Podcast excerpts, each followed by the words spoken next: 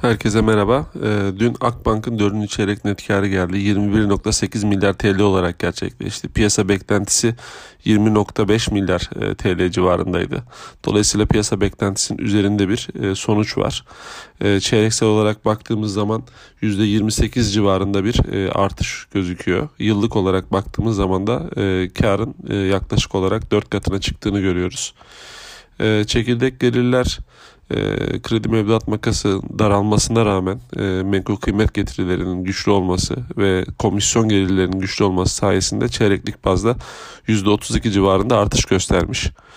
Ee, yine komisyonlar e, artan krediler ve ödeme sistemi katkısı sayesinde yıllık bazda %135 e, artış kaydetmiş.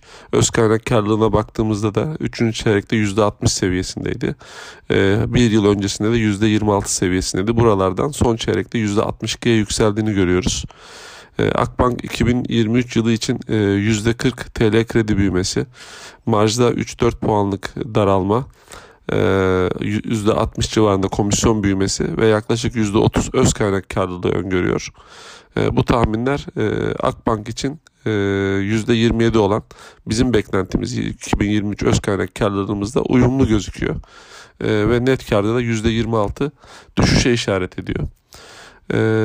Biz en, sonuçlar ışığında endeksin üzerinde getiri tavsiyemizi korumaktayız. Hedef fiyatımız 26 lira 68 kuruş. Hisseyi beğenmeye devam ediyoruz.